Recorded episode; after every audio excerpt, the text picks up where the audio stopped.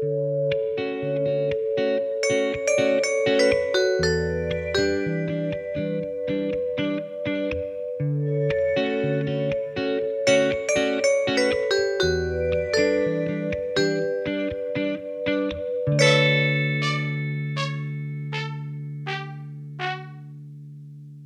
velkommen til Trans-Norge, en podkast om transpersoner. Lagd av PKI Norge, pasientorganisasjonen for kjønnsinkongruens. Hva er det egentlig HKS står for, og hva slags kjønnsbekreftende behandling kan man få på helsestasjonen for kjønn og seksualitet? Det er vel kanskje for noe særlig, jo. Hvem er egentlig helsestasjonen for kjønn og seksualitet i Oslo, og hva slags type kjønnsbekreftende behandling kan man få der? Dette er et av de mange spørsmålene du får svar på i dagens episode av Trans-Norge. Um, hei, og velkommen til podkasten. Takk. fortell, eh, fortell kort hvem du er. Helt kort eh, så er jeg da Ingunn Vik, eh, og jeg er avdelingsleder på helsestasjonen for kjønn og seksualitet. Siskevinne, bruker pronomen hun, henne, og er 50 år. Det er helt nydelig. Jeg vil jo si, altså, du, Nå avtaler du deg selv, da, og det er jeg veldig glad for, som heterosis. Fordi du, du har nemlig du er heterosis, er du ikke? Ja. det er ikke noe å skamme seg over den. Det er helt greit. Her på podkasten er alle kjønn og seksualiteter velkommen. Um, men du ble nettopp uh, kåra til Årets alliert. Mm. Fortell. Ja, det var utrolig hyggelig. Uh, under Skeiv-galla så fikk jeg da prisen å være uh, Årets alliert, uh, som var superstas. Samtidig som jeg også tenker at det skulle flytte meg bare mangel. Eh, så litt sånn dobbelt. For det her er en sånn ting som egentlig er sånn sjølsagt. Men, men eh, jeg har jo sånn at jeg jobba mye og litt mer Jeg får nok ikke prisen for beste tilgjengelige foreldre, f.eks. Så det er det fint det som eh, som beste alliert. Ja. ja. Eh, jeg, bare, jeg, bare, tenker at det var vel fortjent, Eh, og selvfølgelig, jeg er helt enig med deg i at alle skal være transalliert, men det er liksom, det er forskjell på å være sånn eh, Det fins en sånn skala, på en måte, fra transalliert av typen sånn jeg gjør aldri noe transfobt, og hvis det kommer opp en diskusjon på familiemiddag, så tar jeg transfolk sitt parti. Eh, til skalaen eh, jeg risikerer faktisk eh, familien min og karrieren min og det, eh, litt mer, da, for å, for å, faktisk gi transfolk reell tilgang på kjønnsbekreftende behandling, f.eks. Så jeg tenker jo du er jo mer i den enden av skalaen. Um, så da, da, har man fortjent tittelen alliert, tenker jeg. Ja. Men det var hyggelig, Luka. Ja, men eh, selvfølgelig, du skal få lov til å fortsette å jobbe for det. vi kan når som helst ta det fra deg. ok, Så du jobber på eh, helsestasjonen for kjønn og seksualitet. Kan ikke du kort forklare litt våre hva ikke Jo, hva det starta som, og hva det er nå? Ja, eh, kort fortalt. Eh, I eh, ja, 1999 eh, så kom det en NOVA-rapport, jeg mener det var 1999, som viste at uh, skeive, spesielt uh, lesbiske homofile, kom dårligere ut på levekårsundersøkelser. Uh, og ut ifra det så valgte Oslo kommune å lage et eget helsetilbud for, denne gruppa. Um, som ja, skulle utjevne det her forskjellene da, mellom minoritet og, eller majoritet og minoritetsbefolkninga. I 2007 så kom også transbefolkninga med, litt sånn som skjedde internasjonalt. At den gruppa også ble med i LHBT pluss-pluss-gruppa. Og så kom jeg da inn i 2011, eh, hvor jeg søkte en stilling der som ja, 50% leder. Eh, som helsesykepleier, for jeg hadde lyst til å jobbe med ungdom. Eh, og så hadde jeg ikke noen særlig erfaring med en type kjønn- og seksualitetsmangfold fra før. Kommer fra et sted hvor ikke trærne skjev engang, omtrent. Så det var sånn tenk at, men folk, folk, hvor vanskelig kan det være? Jeg hadde lyst til å jobbe med ungdom. Og så, da var det sånn at jeg jobba som sagt i 50 %-stilling, og så hadde vi lege, en som heter Geir Helge Roaas, en super fyr som da jobba som, ja, som lege på det stedet. Eh, det var vel fire timer i uka. Um, og så uh, ivaretok vi da først og fremst mennesker som hadde behov for å snakke med noen om sin seksuelle identitet. Målgruppa var mellom var 13 til 30. Um, og så etter hvert da, så kom jo transgruppa mer inn i bildet, og vi hadde mer tema knytta til kjønnsbekreftende helsehjelp, spørsmål knytta til kjønn, utforsking, ja, eh, Og så ble den, den andelen da, eh, større og større etter hvert. Sånn at eh, fra jeg starta for ca. tolv år siden, så har vi utvikla oss sånn at vi nå er et team med ja, to kronologer. vi er Jeg har professor i sexologi Espen Ester. Vi har to helsesykepleiere og en, ja, to assistentleger. To vernepleiere. Eh, familieterapeut. Så vi har liksom blitt en, en, en, fin gjeng som er veldig sånn sammensatt både i forhold til eh, ja, sine egne historier og så alle mulige slags andre varianter, for å si det sånn.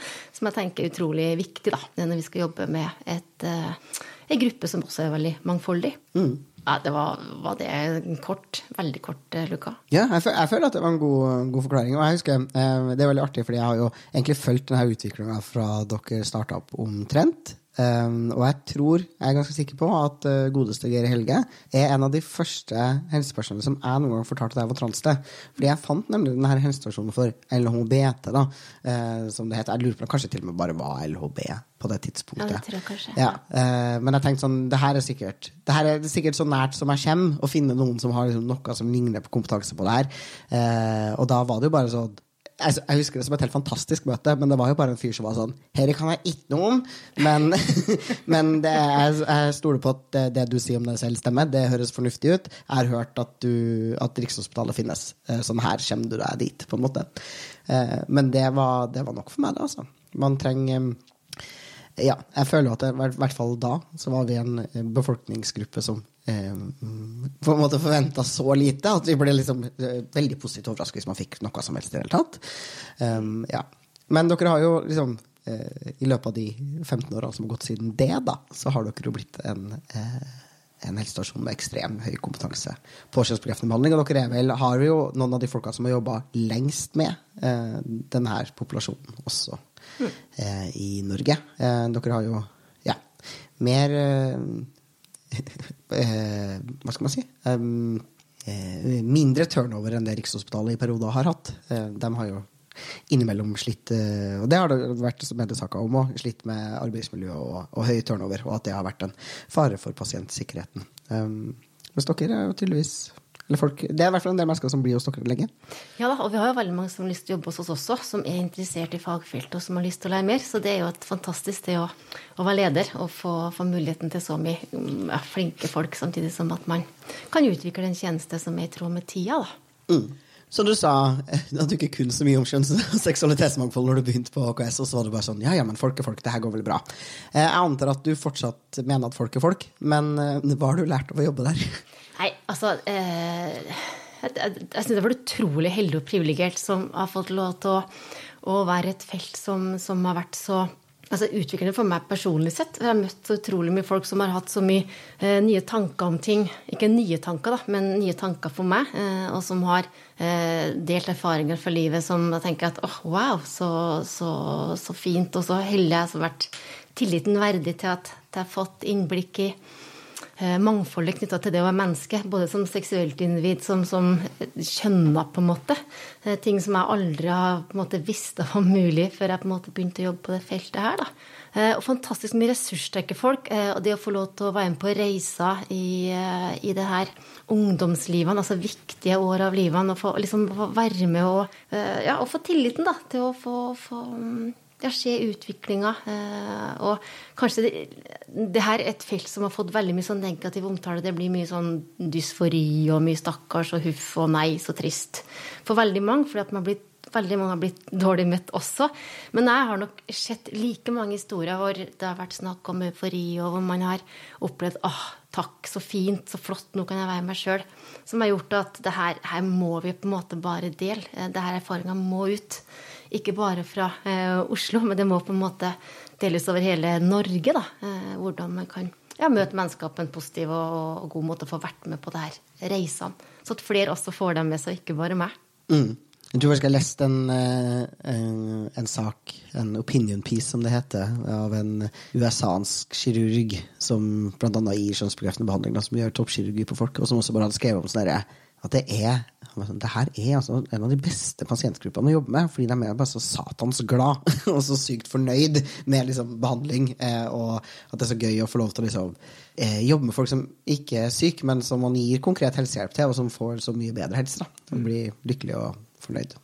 Så det må jo være Ja, det er jo verdens beste sted å være, syns jeg. Sånn, jeg får til nettopp det med å få, få vært med på som jeg sa, jenter meg sjøm, med de prosessene, og ikke minst altså, hvor lite som skal til for at folk får det bra. da. Altså, Det med anerkjennelse, det å bli ønska velkommen, altså helt sånn basale ting. Altså, Selvfølgelig. Men når man hører historier Jeg var helt sjokka i starten, husker jeg, når jeg har hørt hvordan man ikke har fått lov til å være seg sjøl, som tenker at ja, men i alle dager, da. Sånn her kan man jo ikke ha det. Og så man da får gitt eh, noe annet, bare det med anerkjennelse, som du sa i starten. Eh, bare bli møtt på det. Men så fint! Og takk for at du deler, og hva skal vi få gjort, og, og ja. Hva har du behov for? Eh, så det er jo egentlig ganske enkelt, eh, mm. men likevel komplisert ja. på samme tid. Enkelt, men likevel så komplisert. Ok. Eh, hva, slags, eh, hva slags støtte, veiledning og faktisk behandling er det dere tilbyr i dag? Eh, vi er opptatt av å jobbe liksom helhetlig, sånn at eh, vi gir det som den enkelte har behov for. Eh, i det store og hele. Og det kan være alt fra samtaler, utforsking, ehm, det kan være å få starte på pubertetsutsettende behandling, det kan være behov for å starte med hormonbehandling, det kan være for å få tilgang på andre hjelpemidler. Eh, ja, hva det måtte være, egentlig. Eh, logoped, hårfjerning, eh, sånne ting. vi har muligheten for psykoterapi, vi har mulighet for å henvise videre i helsetjenesten hvis og når det er behov for det. Um, og så har vi også mulighet for grupper, ja, foreldresamtaler. Og vi er opptatt av at, at, vi er et sted som skal være lett tilgjengelig. Eh, ikke minst for å bli godt kjent med den enkelte, sånn at den enkelte opplever seg eh, trygg. Da. For det å oppleve seg trygghet gjør at man har tilgang på helt andre ting. Man kan snakke om andre ting, man kan få utforska ting som eh, tvil, usikkerhet. Eh, vi kan være tett på eh, og prøve å manøvreres ut ifra hvor den enkelte er. Mm. Hvem er det som kan få behandling hos dere, da? Eh, når det gjelder behandling når det kommer til sånn medisinske ting, så er det jo um, dem som har behov for um, pubertetsutsettende behandling. Og så er det dem som etter hvert har behov for hormonbehandling uh, i en feminiserende eller maskuliniserende retning. Hva er, kriteriene? Hvor, altså, kan, man, hvor, kan, man, bo hvor man vil? Kan man være hvor gammel man vil? Hva? Ja, godt spørsmål. Ja, nei, eh, eh, vi er da eh, for personer mellom 0 til 30 år og deres foreldre, foresatte. Og så er vi da helt avhengig av at de bor i Oslo kommune. Mm. For vi er jo, det glemte jeg å si i sted, men det er Oslo kommune som har satsa på HKS og ønsker at vi skal ha et tilbud som gir den helsehjelpa på, på, et lavere nivå da, enn det som er for resten av landet. Mm. Hvis man eh, er så heldig at man er mellom 0 og 30 år og er bosatt i Oslo kommune, hva gjør man for å komme i kontakt med dere? Da kan man si oss en mail eh, og si at hei, jeg er ja, X på eh, ja, 13 år, jeg trenger å få snakka med noen. Og så tar vi da kontakt med vedkommende. Eller man er liksom Hei, jeg er foreldre til en person på ja, 19. Jeg syns dette her er vanskelig. Hva skal jeg gjøre? Eller en lærer som da har behov for å snakke med noen angående sin elev i en klasse, eller vannferd. Alle sammen kan ta eh, kontakt på mail, og så tar vi kontakt tilbake. Mm, glimrende. Ok, la oss si man er eh, Vi kan ta utgangspunkt i noen som er 22, f.eks og eh, bosatt i Oslo, og har funnet at de eh, Jeg har egentlig funnet at de er trans, har lyst til å liksom prate om et par ting rundt det. Er ganske sikker på at de ønsker seg kjønnsbekreftende behandling. Eh, har lyst på hormoner, liksom. Hvordan ser, hvordan ser, et behandlingsforløp ut da? Fra man tar kontakt til man liksom eventuelt får hjelp, hvor lang tid tar det? Hvor mange samtaler må man på? Er det en standard der, eller er det liksom helt individuelt tilpassa? Eh, vi har jo en individuelt tilpassa sånn standard på en måte i forhold til at vi er jo helsepersonell, så vi er jo forplikta til å gi på en måte helsehjelp som er forsvarlig, ut i forstand at den enkelte vet hva man sier ja til, og hva man sier nei til. Eh, og det som vi da følger, det er jo de internasjonale retningslinjene fra Standards of Care, eh, som da på en måte er en sammenfatning av best practice på feltet, altså mm, for resten av verden, som da har, som nå kom i 2022. Eh, den siste versjonen. Du kan sikkert si litt mer om det etterpå, Luka. Men, men, i hvert fall det her er det som er internasjonalt forankra i forhold til hva som anbefales at vi som helsepersonell skal gjøre. Eh, for det er jo sånn at i Norge så har vi ingen medisinskfaglige retningslinjer for hva som regnes som, som faglig forsvarlig. Eh, så det er opp til hver enkelt lege. Og det gjør det ganske vanskelig når man skal jobbe kunnskapsbasert, for hva skal man da styre etter? Og fordi at Norge er et bitte lite land med helt Eh, omtrent fravær av, av, forskning og egne publikasjoner som er faglig vurdert, så har vi da valgt å se til, til det som resten av verden gjør, eh, og følge det. både i forhold til diagnosemanualer, men også anbefalingene på hva som bør snakkes om i en samtale med den enkelte. Ja, og det er ingen grunn til å skulle tro at Norge skulle skille seg noe vesentlig fra resten av verden når det kommer til hvordan transfolk kan fungere her i landet. Nei, det er ikke sånn at det, det endrer seg over landegrensene, nei. Man er plutselig eh, dame i Sverige, og så er man eh, gutt i Norge og ikke-binær i eh, Danmark. Altså, det er ganske konsistent. Ja. ja. Mm, ja. Så da, no, Det var jo liksom, det var introen. Og ja. så, eh, etter man da har kommet til oss, så er det ut ifra hva den enkelte har av kunnskap, da, av erfaring, hva, hva som oppleves viktig for seg. Er det noen ting som er utfordrende. Eh, for vi eh, er jo pålagt ut ifra de internasjonale retningslinjene å gjøre en biopsykososial kartlegging og, utforsking eh, sammen med klienten. Og det er jo fordi at vi da skal sikre oss at, at personen vi har foran oss, er på en måte informert, og at vedkommende har ressurser til å ta et, et viktig valg for sitt liv. Og at vedkommende da får den informasjonen som vedkommende trenger for å forstå. Så det er klart hvis det er, er ting som handler om kognitive utfordringer, f.eks. Om det handler om noen psykiske ting som gjør at det er vanskelig å ta inn over seg informasjon. Eh, det kan jo være at ja, kanskje være en person som er mer eh, nevromangfoldig, eh, som trenger andre måter å informeres om da, og utforske sin historie på. Altså, da må vi ta utgangspunkt i hvert enkelt individ. Og det er vi som da skal tilpasse oss, klienten eller ungdommen. Det er jo ikke sånn at ungdommen skal svare liksom, så at vi på en måte blir overbevist. Altså, det er vi da som skal Eh, lage et, et, eh, et trygt eh, rom hvor vi da spør om det som vi tenker er viktig. Ja. Da tenker jeg kanskje du peker på noe av det som er liksom, kanskje er noe av det mest grunnleggende i hele deres forståelse av hva det vil si å være trans. da, Som er en forståelse som dere ikke bare har funnet på sjøl, den er jo en forståelse som er helt i tråd med alle internasjonale retningslinjer og internasjonale diagnosemanual og alt.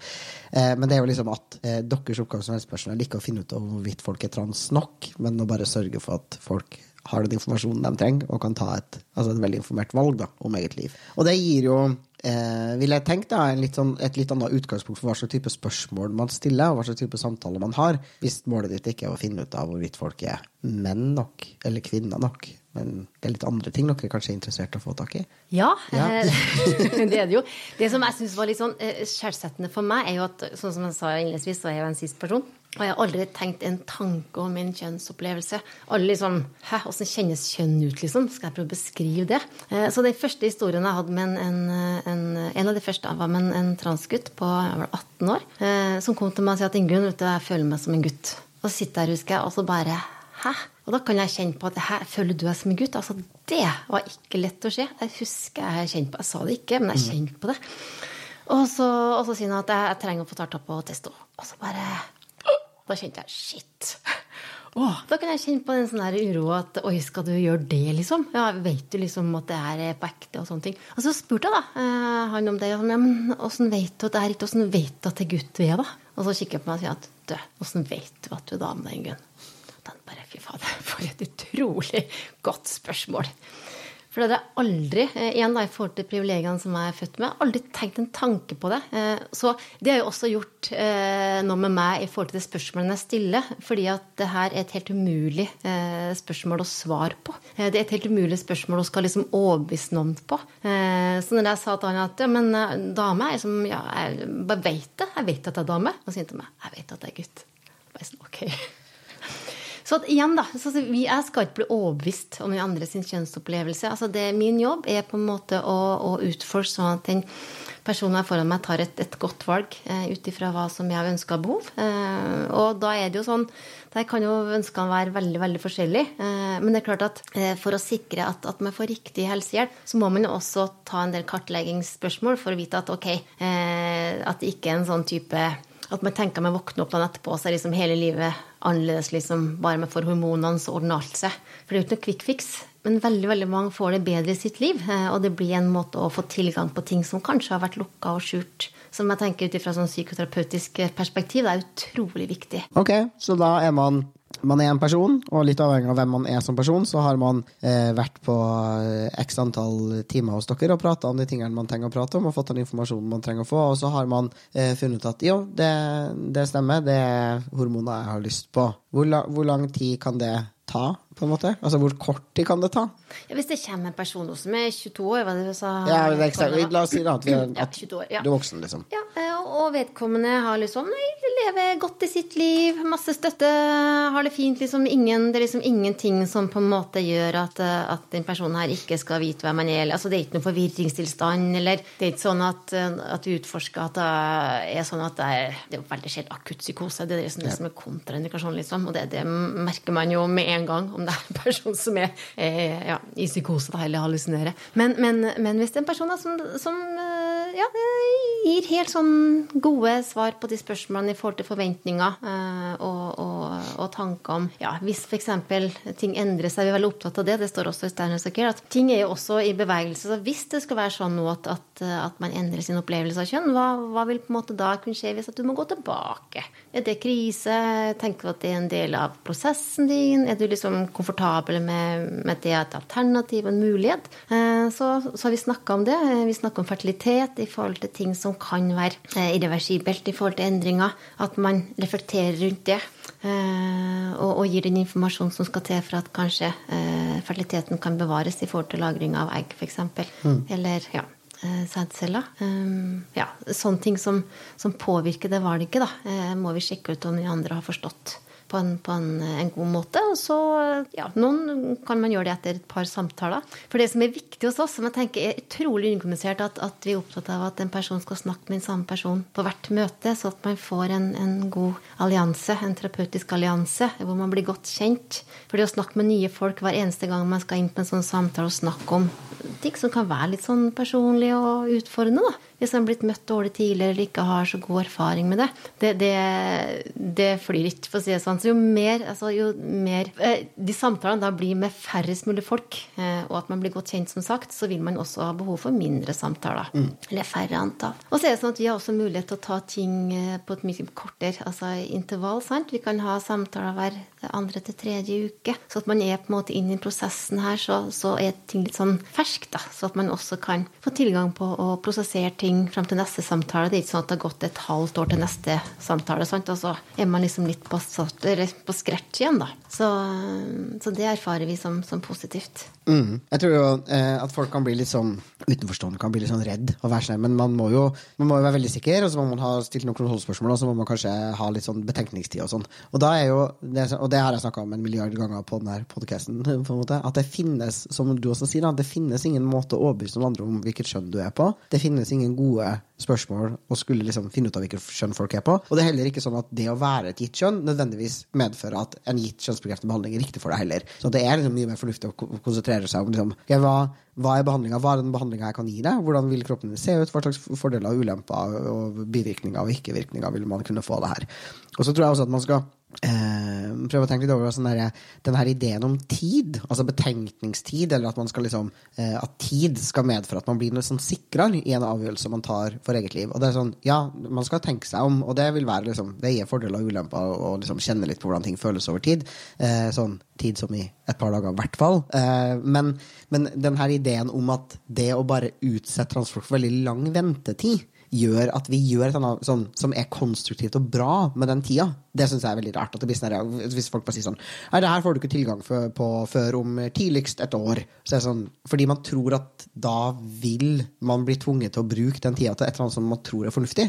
Eh, jeg bare synes det er fascinerende, fordi det er jo ikke Man trenger ikke å bruke den tida til noen ting. Man kan bare bruke den til å sitte og stirre inn i veggen og ikke bli noen ting sikrere på noen ting som helst. Eller man kan bruke den til å oppleve eh, fortvilelse og fornedrelse og ha det skikkelig dårlig veldig lenge og bli traumatisert av ventetida i seg selv.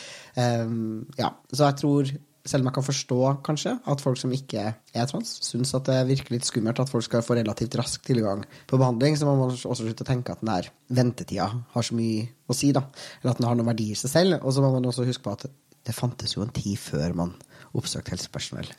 Og det er jo hele clouet her. Det er det som jeg syns er helt un underkommunisert i media. da. Nettopp fordi at, at, når folk eh, kommer til oss, så har man veldig mange har prøvd liksom åh, jeg har prøvd så lenge nå på å ikke gjøre noe mer. For jeg ønsker, jeg vet at det kan bli sånn strevsomt, og det er mye greier som er knytta til det. Jeg har prøvd og prøvd og prøvd å ikke kjenne på det, men nå kan ikke jeg gjøre det mer. Og da er folk egentlig overmoden når de tar kontakt med oss, eh, til nettopp å komme i gang med, med, med det som er viktig for seg i forhold til prosessen videre. Så det er ikke på liksom dag null. Da er vi liksom på, på altså, dag eh, ti år i denne mm. prosessen. Og det tenker jeg det skulle jeg ønske at folk har, har vært mer obs på. Og så er det jo det at, at, at tid i seg sjøl er ikke noe poeng hvis ikke den tida blir fylt med noen ting. Så jeg tenker at man skal gå i årevis altså for å få den hjelpa. Altså det skal i hvert fall gå ett år liksom før du får komme i gang.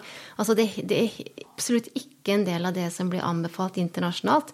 Men det er klart at tid i forhold til å reflektere, at vi gir rom. Og da var det som var inne på i sted, at man får eh, samtaler med folk som har kompetanse på kjønn, prosess, utvikling, alle tingene som er viktige da, for å ta et godt valg. Eh, og jo mer portvokter vi blir, eh, jo mer svarer mennesker liksom ut ifra min erfaring, da, mer sånn type sånn normativt i forhold til alltid hvis man opplever å ha en eh, guttidentitet. da, Alltid leke med gutteleker. Alltid liksom vært en gutt. liksom, Og, og liksom blir veldig sånn eh, normativt styrt. Eh, for at de vet jo veldig godt hva de skal svare. altså Det ligger jo spørreundersøkelser på nettet mm. i forhold til hva liksom som er den sikreste måten å få helsehjelp på. Veldig binært, veldig innafor type tradisjonelle stereotypier for hvordan kjønn skal være. Men det er jo ikke det vi ønsker å få tak i. Vi ønsker å få tak i altså ambivalens, tvil, usikkerhet også. For det er også en viktig del av det å være i en prosess, uansett hvilken prosess det er, og hvilken utvikling i tets, eh, ja, en tetsutvikling vi er i, så er det jo ting som handler om nettopp å kjenne på det her at oi, ja, du trenger ikke være 100 sikker, men åssen er det på en måte, hva det tvilen handler om, å få snakke ordentlig om det, da. Sånn at man kan få ta det her, eh, også de kanskje vanskelige følelsene opp. Eh, og også få tak i, i, i, kanskje krevende følelser som har ført liksom til minoritetsstress. Altså det, det, å ikke bli anerkjent og møtt, og det er mye kanskje uforløst sinne, det er mye sorg som mange bærer på, som de opplever at de ikke på en måte får ut. Da, uh, som blir på en måte satt i kroppen i forhold til depresjon, angst. Uh, for den reagerer jo når, når, den ikke får lov til å, å, å bli tatt imot. Sånn at disse tingene her er det som vi ønsker å, å, å få utforska. Mm. Eh, ja. Som jeg tenker er, er, det som er litt det, det som gjør at, at, man ikke får utforska det, er ofte en portvokterfunksjon. Hvis at man skal svare riktig for at en behandler skal få tak i kjønnsinkongruensen og kjønnsdysforien. Når det ikke finnes noen objektive markører. Det er et helt umulig prosjekt og gjør da at det er den andre som skal definere hvem du er. Og det, det ja. Mm. Ja, som en av dem som har vært gjennom den kverna på Rikshospitalet, kan jeg skrive under på at det var ingenting som var nyttig med den utredninga der. Det var ingen spørsmål som var nyttig. Det var ingen ventetid der som, var, som hadde noen funksjon som var positiv i mitt liv. Og det, var, det kjentes bare ut som en test hvor mitt mål var å overbevise den behandleren om at eh, jeg var mann nok til at det her ville være riktig behandling for meg. Uh, og jeg fikk aldri snakka om liksom. Fikk aldri faktisk informasjon om hva virkningene og bivirkningene av behandlinga er. Uh, og den eneste liksom, eh, oppfordringa til refleksjon jeg føler at jeg fikk der, var at folk, at behandlerne var veldig sånn du må huske at du aldri kommer til å bli en ekte mann. Du må huske at du aldri kommer til å liksom, Det blir vanskelig å finne seg kjæreste. Det var sånne, her, sånne, sånne helt håpløse, veldig transnegative ting jeg skulle liksom tenke på, som skulle være sånne tunge motargumenter. Eh, og det var helt tydelig at målet var at jeg bare skulle gi opp. da, Og bare tenke at det her, blir så jævlig at jeg orker ikke. Um, ja. Det er ikke nyttig. Det var poenget mitt. Ikke nyttig. Så sånn ser uh, et forløp ut. Og så starter man på uh, hormoner da, hos dere. Hvor, eh, hva slags type oppfølging får man etter det? Da får man tilbud om eh, psykososial oppfølging hvis man har behov for det. Eh, og for noen er det fint fordi at man starter på en prosess eh, hvor kroppen endrer seg, går gjennom en ny pubertet, som kan være ganske krevende selv om man virkelig ønsker det. Man får reaksjoner som man kanskje ikke, var, ja, ikke har forventa. Både igjen som jeg sa, ting som kanskje ikke har vært så tydelig i forhold til det med sinne og sorg, som plutselig kommer opp når man oppdager at oi, shit, og jeg skulle ønske jeg fått hjelp før, f.eks. Og så kan man tenke at å herlighet, det her gjorde det bare verre. Mens vi tenker at det er jo en tilheling Altså det er en, en, en, en frisk prosess da, når her tingene får lys og luft. Eh, så Derfor så anbefaler jeg å, å ha denne eh, videreføringa av, av, samtaler eh, hvis at det oppleves nyttig. Ikke for vår del, men for, for klienten. Og så er det da legetimer en gang i måneden ca. i starten, og så til man da på en måte har kommet på den dosen som oppleves nyttig for seg da, i en sånn vedlikeholdsfase. Um, det har jo vært uh, noen kontroverser rundt HKS eh, opp gjennom årene. Relativt mange, faktisk. Uh, dere har jo vært en Som, som faktisk, altså, som ganske mange helsepersonell internasjonalt også erfarer, når man jobber på et felt som har blitt så politisk, og som så Gud og hvermannsen skal ha en mening om, eh, så ender man jo ofte opp med at man må være litt sånn aktivist og stå på barrikadene. og Man kan ikke liksom jobbe apolitisk da, i det feltet her. Man må på en måte ta stilling. Mener man at transfolk er psykisk syke, eller mener man at vi ikke er det? Um, dere har jo tatt veldig tydelig stilling og fått en del kritikk og motbør på det. Også fått mye kred, da. Eh, spesielt fra transmiljøet. Vi er jo Transfolk er veldig fornøyd med dere. og det man skulle jo nesten tenke at eh, vi kanskje var de viktigste å lytte til, da. Vi som er trans og skal få denne behandlinga, har fått den. Men uh, prat litt om uh, hvordan det føles da å jobbe på et kontroversielt felt. Ja, nei, det må jeg si. Jeg var helt, for jeg jobba som sykepleier før. Jeg var barnesykepleier i bånn. Og da på en sånn type kreftavdeling for, på Ullevål sykehus. Og da husker jeg at jeg fikk veldig mye sånn tilbakemelding om hvor krevende det var å jobbe med, liksom, med, barn med kreft så alvorlig. Og det var det jo virkelig. Eh, det er jo liksom på liv og død. Og så kommer jeg på eh, å få en jobben her eh, som, som ja, helsesykepleier og leder på HKS. Og så ble jeg møtt med at å, herlighet, ikke rart å jobbe på det feltet her, liksom.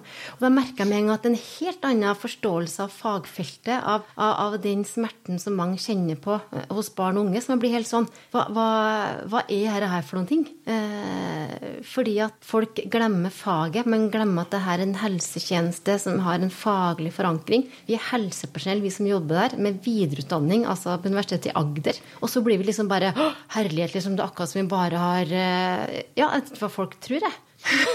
Men det, det, det, kan jeg si at jeg blir ordentlig sint over, at vi blir devaluert eh, som fagfolk.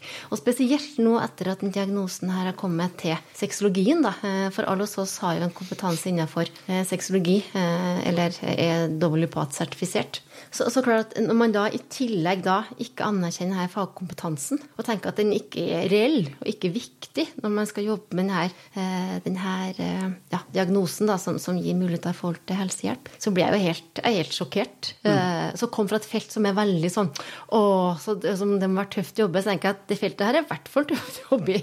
Fordi at folk devaluerer liksom den kunnskapen du har. Da. Og devaluerer folka, ikke minst. Mm. Det er kanskje det aller, aller verste. At når det skjer ser i, i media mye kronikker fra folk som ikke har i det hele tatt peiling, ikke noe klinisk erfaring, og som lirer ut av seg det mest utrolige, eh, og som altså, nærmest tenker at, at eh, det her er mennesker som ikke finnes. Mm. Altså, det er så drøyt, og du bare får Ja, det er så drøyt. Ja, så det Så mitt privilegium er jo at, at, jeg har min uh, sisshet inni det, og jeg, når jeg kan gå hjem for jobb, skal jeg gå hjem for jobb, selv om jeg går hjem fra ganske forbanna innimellom.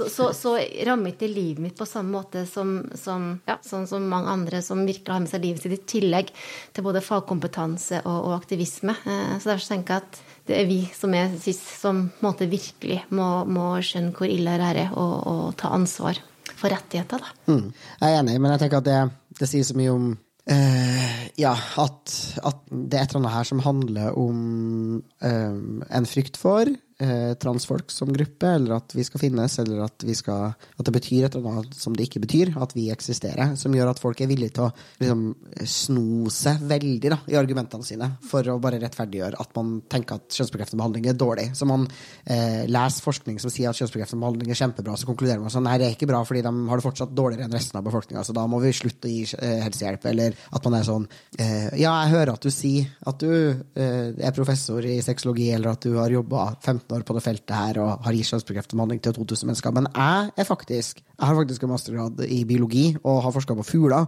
Sånn at jeg bare mener og føler helt vanvittig masse sterke ting om det feltet her. da. Og så har man da eh, Så er man helt sånn man lytter veldig selektivt, da, føler jeg. Og man lytter til dem man er enig i i utgangspunktet. Så hvis man har som utgangspunkt at man tenker kjønnsbekreftende behandling er dårlig, at transfolk ikke egentlig finnes, så er man villig til å liksom lytte til hvem som helst som understøtter det synet. Og det eh, gjør jo debatten litt vanskelig. Og den gjør den også veldig sånn ufaglig til tider. Og det kan jo eh, jeg i hvert fall sitte og se på med litt fortvilelse. For jeg blir sånn, ja, ikke sant? Enda en person som bare stakk fingeren opp i lufta og følte et eller annet om kjønnsbekreftende behandling. Og det, eh, ja, man hadde jo, tror jeg ikke, på så veldig mange andre medisinske felt bare tenkt at det var greit at alle sammen følte noe rundt hva som var riktig behandling og ikke å gi til en gruppe. da. Det er litt artig, da.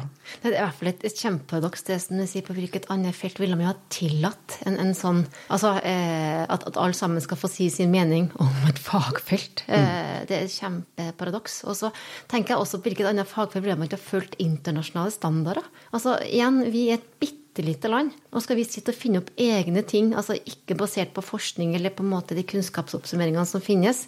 Vi skulle selvfølgelig hatt mer kunnskap og mer forskning på det feltet her også, men det å gå helt ut av det vi faktisk har, det er jo helt uh, uforståelig.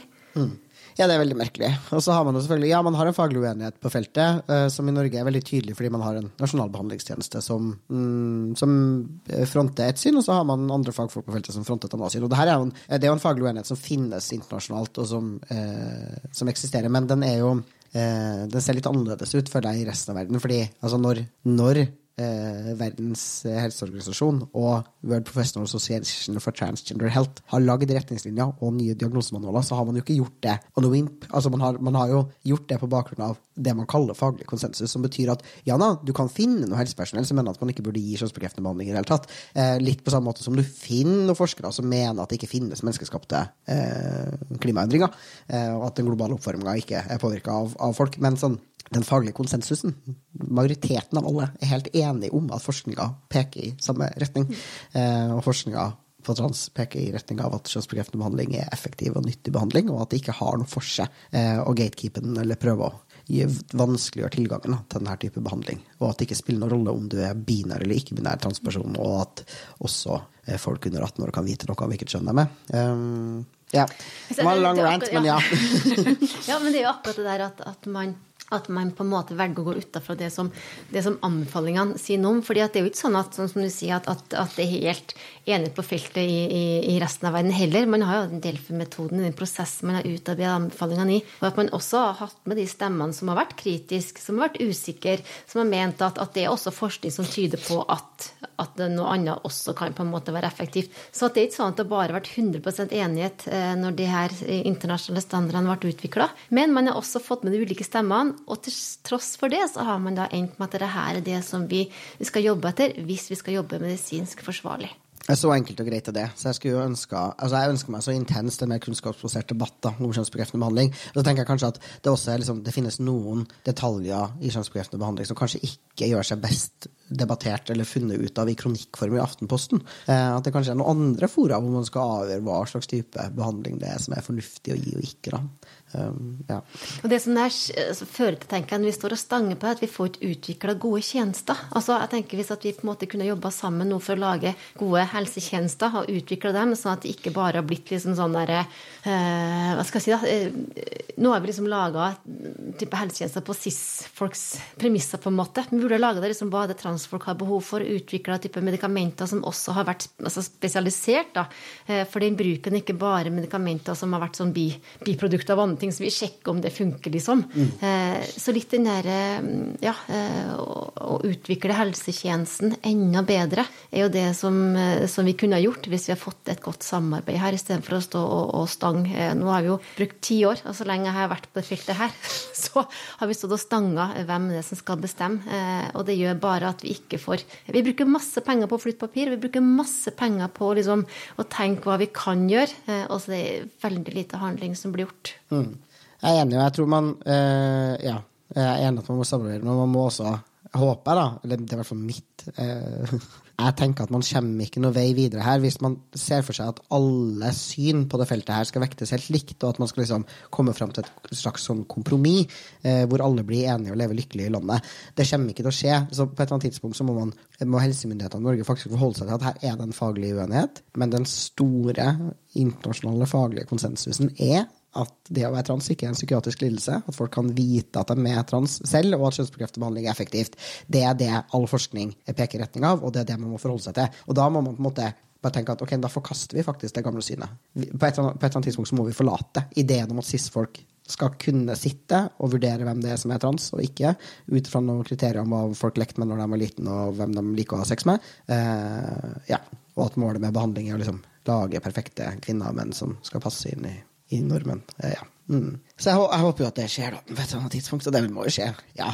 Ja, det, det skjer. Men, men, det er jo liksom trist at det skal ta så mange år. For i mellomtida da, eh, så gjør det her at, at mange ikke får den hjelpa som de har behov for. Mm. Eh, og det er jo det som er eh, utrolig fint på HKS at vi har eh, gruppa helt opp til 30 år. Så vi blir jo så godt kjent i et sånn livsløpsperspektiv. Jeg har jo følt noen her, jeg har jo fulgt i åtte år, mm. så mer eller mindre, så vi har blitt godt kjent. Eh, og, og, det som erfarer veldig mange av de voksne gruppa som kommer nå, eh, er helt tydelig på at jeg skulle ha ønska at jeg fikk hjelp før. Mm. Livet mitt har sett så mye annerledes ut hvis at noen har tatt imot uh, meg og på en måte hjulpet meg uh, når jeg var yngre. da. Mm. Sånn at det er også noen ting når man, delt, når, tenker, når man i Norge frem til i dag har delt opp liksom grupper over og under 18 år, så får man med seg liksom det her, uh, det her utviklerne som skjer i den enkelte person da, på samme måten. og man ser heller ikke resultatene kanskje av den helsehjelpen man har gitt, som gjør at man også blir trygg på at oi, det her er, er, det her er bra greier, for å si det mm. sånn. Det gir liksom livsglede, og, og, og, at man kommer på et annet sted i sin eh, prosess eh, og ja, forhold til å ta plass i verden da, som seg sjøl. Ja. ja. det er jo en floskel, men det er jo faktisk sant at altså, alle voksne transfolk har vært barn en gang. Eh, og vi var trans da òg, så man må på en måte anerkjenne at eh, du kan vite hvem du er. Eh, ja. Og det er jo akkurat det også, når man har hatt noen studier som har vært i retrospekt, så har man jo spurt voksne liksom, når merka du det, når på en måte kjente du at det her liksom at du var klar over at, at, du har fått tidligere feilskjermfødsel. Og den opplevelsen sier mange at det hadde de jo veldig tidlig, mm. eh, men man ikke, eh, ikke hadde noe kanskje noe kunnskap om hva det var, eller hva det handla om, eller ikke noe støtte, eller noen som på en måte kunne snakke om det på en ordentlig måte. da. Mm. Så det er ikke sånn at dette ikke har vært hos barn og unge tidligere, det har bare ikke blitt anerkjent og, og, og møtt. Nei, jeg husker bare mm, altså Da jeg kom ut på liksom, ja, rundt 2010, altså litt før 2010, da Men sånn, de som var de som var voksne da, som jeg snakka med, eh, og når jeg liksom var på Riksopptalen òg, så, så har man jo For i dag så opererer man med sånn early og late onset. Og da mener man early onset så mener man liksom at du har innsett at du er trans, og sagt fra til helsepersonell. Det er viktig. Det handler ikke om når du innså det for deg selv, men du har sagt fra til helsepersonell før du, fylte, eh, altså før du kom inn i puberteten. Um, og det er på en måte ja, Sånn kan man gjerne forstå late and early onset. Så det, er, det er tullekategorier i seg selv. Liksom. Det er sånn, Folk kan innse ting om seg selv på forskjellige tidspunkt i livet. Um, og når vi sa det helsepersonell, er irrelevant. Men det som jeg synes er fascinerende, er at uh, det er ikke så veldig mange år siden det å kontakte helsepersonell og si fra om at du var trans, var helt utenkelig at noen skulle gjøre før, før de kom i puberteten. Uh, det å være i 20-åra på Rikshospitalet var liksom ansett for å være ung. Altså Da jeg kom dit som 24-åring, så var jeg liksom Folk tenkte at jeg hadde kommet tidlig da, og oppsøkt hjelp. Fordi det bare var ikke noe rom for å komme ut noe før i liksom, generasjonen over meg igjen. da. Og det synes jeg jo er bare liksom spennende også hvordan helsepersonell på en måte godtok det. da Rikshospitalet ga jo masse kjønnsbekreftende behandling til folk som ikke innså at de var trans før de var i 20-åra, i 30-åra, til og med i 40-åra. Mens i dag så har de liksom snudd helt på flisa og er liksom både på en sånn her Ja, det her må du Altså, du må ha kommet dit før du kommer i puberteten omtrent, for ellers så tror man i hvert fall ikke på det. Det her må du ha visst liksom hele livet. Samtidig som man selvfølgelig også samtidig klarer å si men du er for ung til å vite det her om deg selv. Uh, ja.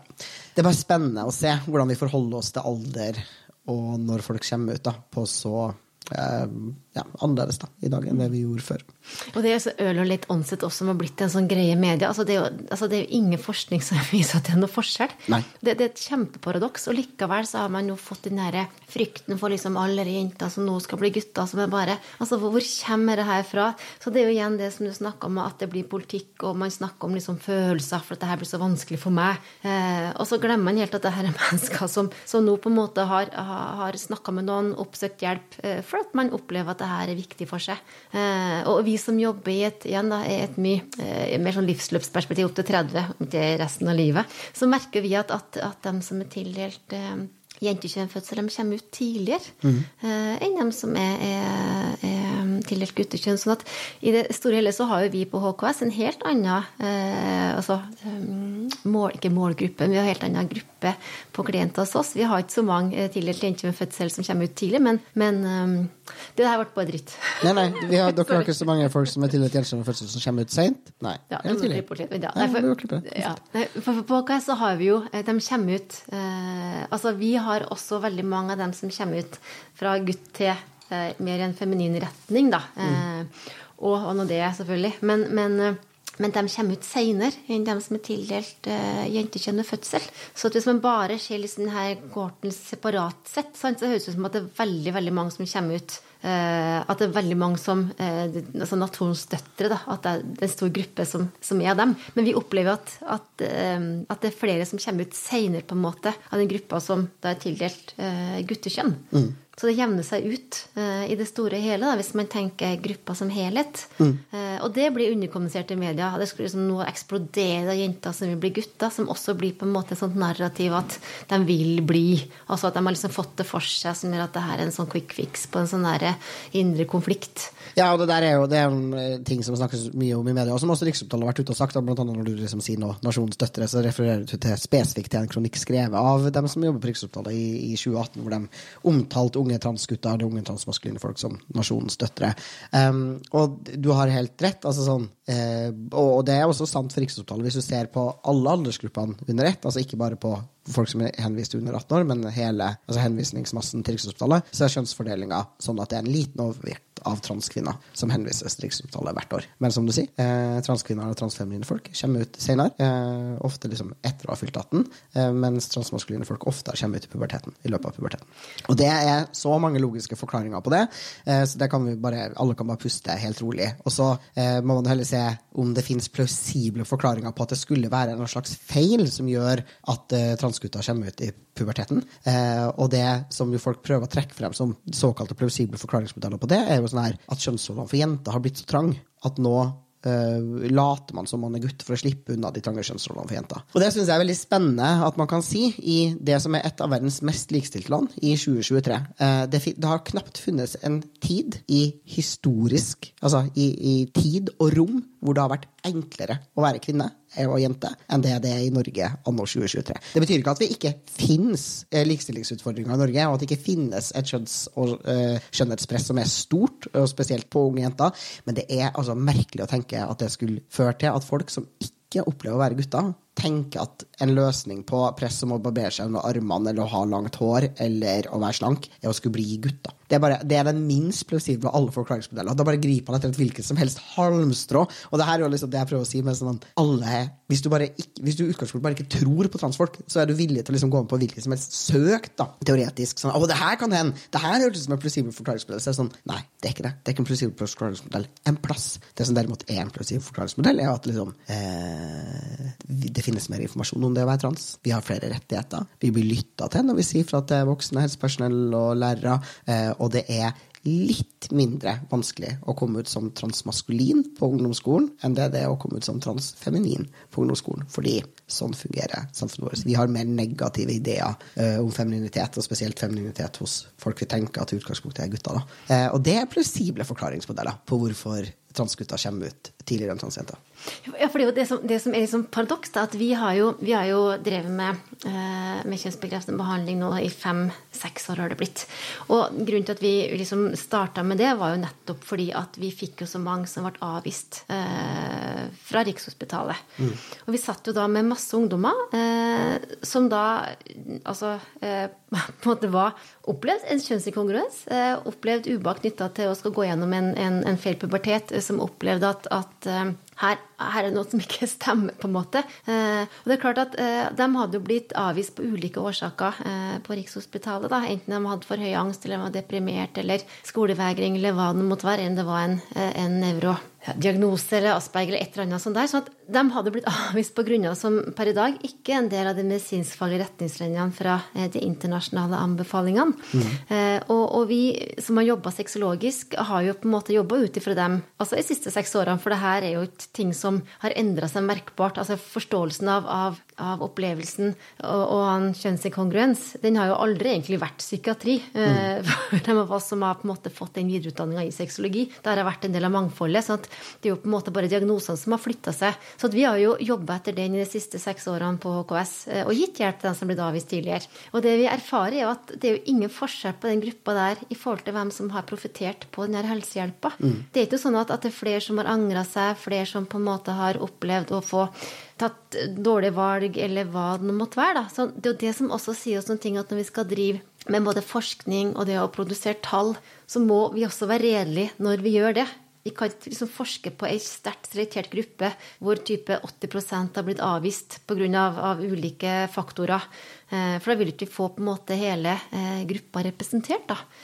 Så det skulle jeg ønske at, at hvis, hvis, vi virkelig skal lære å, å få vite mer om, om den gruppa her, og hva som hjelper og ikke hjelper når det kommer til behandling, så må vi jo også inkludere mennesker som har blitt avvist, mm. men som likevel har en opplevelse av kjønnsinkongruens og behov for helsehjelp. Hvis man skal få valid, et valid resultat. Definitivt. Og det er veldig spennende at man har tenkt at altså det man liksom konkluderer med nå, er at ja, hvis man har streng seleksjon og gatekeeping, så viser det seg at alle i den gruppa hadde, de profitterer på kjønnsbekreftende behandling. Så betyr ikke det at det var riktig å selektere den gruppa på den måten man gjorde. Det betyr sannsynligvis at det er sånn eh, Man kan liksom konkludere med at de aller fleste som tenker at man har behov for kjønnsbekreftende behandling, faktisk har behov for kjønnsbekreftende behandling. Så litt uavhengig av hvordan man hadde selektert den gruppa, og som først liksom melder det her behovet, så hadde man endt opp med at stort sett så ville alle vært fornøyd med den behandlinga. Eh, og da spiller det ingen rolle om du har screena ut folk som er på autismespekteret, eller ikke. Du ville endt opp med ca. de samme tallene uansett. Um, så det bare er eh, Det er så dårlig eh, forskning eh, å skulle si at vi har selektert riktig fordi alle gruppa vår viser seg å være trans. Og så er jeg sånn, ok, men hva med den gruppa dere har selektert bort? Så det som også gjør det sånn skummelt på det fagfeltet her, hvis vi skal få ny forskning, hvis at Norge nå skal gjøre noe helt annet enn resten av verden, hvis ikke vi nå skal forholde oss til samme anbefalinger som, som eh, ja, eh, ICD-11 uh, i forhold til diagnosesettinga og det med, med. Sant? Hvis vi skal gjøre noe helt annet nå, så vil vi heller ikke ha et utgangspunkt for å, for å gjøre god forskning. Da. For da, da, driver vi med det helt annet. Så jeg tenker at skal vi få ny kunnskap, så må vi også være transparente i forhold til hvem vi, vi gir hjelp og, og, og ikke, uh, og si noe om hva det er som vi faktisk følger. Uh, er det retningslinjer, eller er det på en måte noen egne retningslinjer som vi har laga sjøl? fordi at vi syns det har vært for liberalt, da. Mm. Så jeg tenker det er viktig å si at, at HKS har aldri ønska at, at, vi skal på en måte være noen konflikt med Rikshospitalet eller, eller den, eh, det som de nå har valgt å gjort for enhver lege, skal på en måte være trygg eh, på at det den gjør, på en måte skal være eh, faglig forsvarlig. Så, så, det er ikke sånn at enhver en lege skal gjøre ting som ikke kjennes riktig ut. Mm. Men det kan ikke være sånn at hvis en lege opplever at, at det internasjonale retningslinjene ikke er på en måte eh, ja, Hvis jeg er for liberal, da, eh, så kan ikke vedkommende få så mye makt og, og gjøre ting på egne vegne, tenker vi. For det, det, er en veldig fare for pasientsikkerheten. Eh, da blir det veldig subjektivt hvem som da er innenfor det her målområdet og ikke. da, Og ja. hvem som får hjelp. Ja, på et eller annet tidspunkt så må man også si at hvis du er helt eh, på kollisjonskurs med internasjonal forskning og, og standarder, så kanskje du rett og slett på et eller annet tidspunkt ikke skal jobbe med det her fagfeltet. da. At du ikke er faglig oppdatert og ikke forholder deg til det som er fornuftig å forholde seg til. Da. For hvis det er et etisk stress å jobbe sted, så skal man virkelig ta det på alvor. Eh, for det er klart at det er jo sånn på det feltet her, også som alle andre medisinske felt, at vi, vi skal ikke på en måte Vi skal være ydmyk for at ting kan endre seg, vi skal være ydmyk for at, at, fagfeltet vil på en måte utvikle seg i en annen retning enn det på en måte vi kanskje visste her og nå. Sånn er det jo med alle fagområder.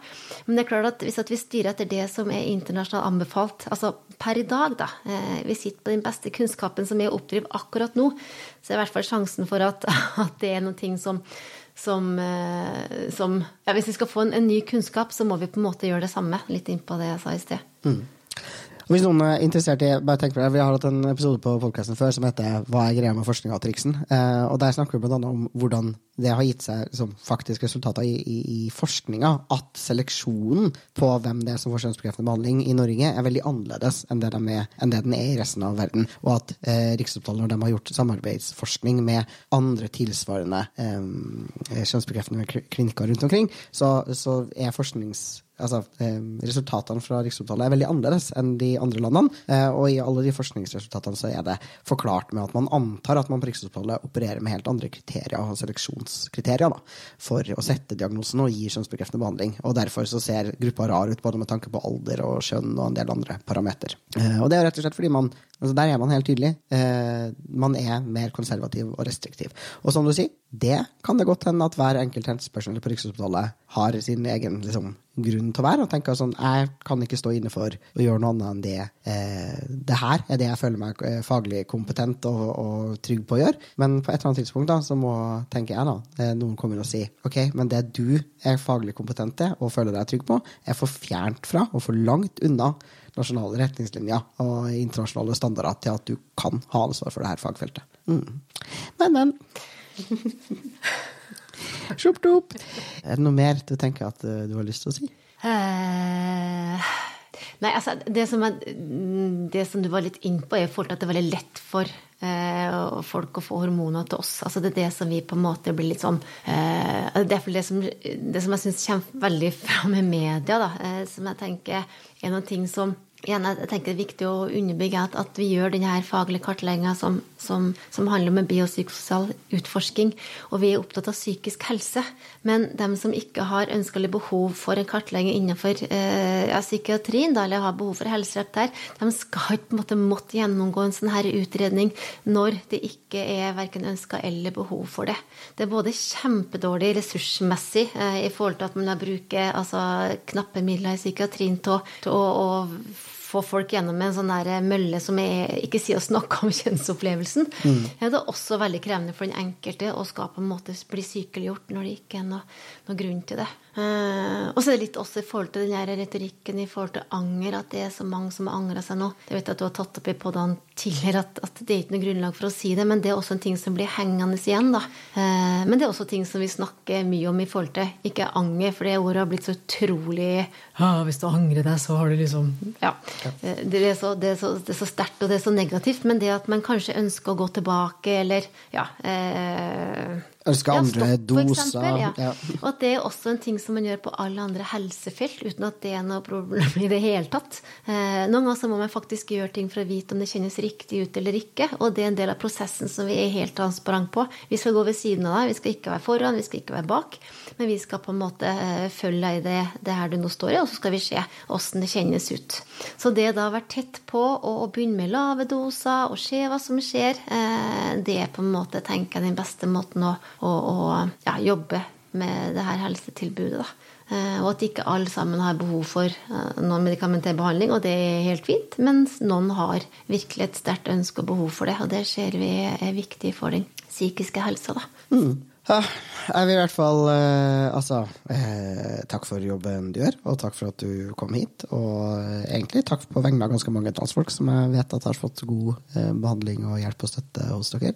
Jeg håper dere får eh, alle pengene i hele verden til å gi all den kjempebra kjønnsbekreftende behandlinga dere kan gi. Jeg håper dere blir brukt som modell for utvikling av helsetjenester over hele landet, og at folk snart skjønner at, det, at, dere har skjønt noe viktig om hvordan man møter mennesker som mennesker, eh, og at helsehjelp på det feltet her ikke er uh, verken er rocket science eller Eller altså, det er det for så vidt, men altså at helsehjelp på det feltet her ikke skiller seg fra helsehjelp til alle andre pasientgrupper. da, At uh, transfolk er, som du sier, folk er folk, inkludert transfolk. Mm. Og så vil jeg jo si at, at, det som vi har fått til Oslo, altså at Oslo kommune har satsa på det her, det er direkte overforbart til resten av landet. Altså mm. det, er, det, er, så lett, på en måte, hvis man da følger retningslinjene og anbefalingene. Sånn at, sånn at, det som også forundrer meg, er jo at hvorfor stoppes det? Hvorfor, hvorfor kommer vi ikke oss videre med å dele denne kompetansen når vi har på en måte et operasjonalisert eh, tjenestetilbud eh, per i dag? Eh, det er det er forunderlig. Altså. Så jeg håper jo flere kommuner nå kan på en måte bruke vår erfaring. Og, og det at vi har en endokrinolog hos oss, Ole Peter Hammik, som, som jobber internasjonalt på feltet, som, som underviser eh, leger, endokrinologer. Eh, og vi har Espen Ester, som eh, har jobba lenge som altså den mest anerkjente sexologen i ja, hvert fall eh, store deler av verden. Mm. Så, eh, og ikke minst de andre folka også, som, som har den spesialkompetansen på kjønn og identitetsutvikling utvikling. Da. Eh, hvor viktig det er at, at det er den kompetansen som var styrende, styrene, og ikke bare at man er lege eller psykolog per se. fordi at eh, det er ingen andre fagfelt som har noe formalisert kunnskap på dette feltet, bortsett fra dem som har ja, hatt en videreutdanning i det. Mm. Så, så på alle felt, så hvis man skal jobbe med ortopedi eller hjernekirurgi eller Det er ikke bare å sette inn hvilken som helst kirurg og håpe at det går bra. Man må på en måte ha en klinisk erfaring og ha ja, satt seg inn i feltet og forska og, og vært oppdatert, da. Mm. Enig. Ok. Eh, jeg er skikkelig glad for at du endelig kom på poden. Jeg har jo mast på å få deg hit ganske lenge, så jeg er veldig fornøyd med at du kom. Tusen takk. Så veldig hyggelig å være Luka. Bra. Jeg heter Luka Dalen Espeseth. Takk til deg som lytter på Trans-Norge. Spre ord om podkasten, og rate oss gjerne i podkast-appen din. Send oss gjerne spørsmål hvis du har noen. Og så har jeg lyst til å takke klipperne våre Theodor, Mina og Noah. Og følg PKI på sosiale medier, og meld deg veldig gjerne inn i PKI på nettstedet våre www.skjønnsinkongruens.no.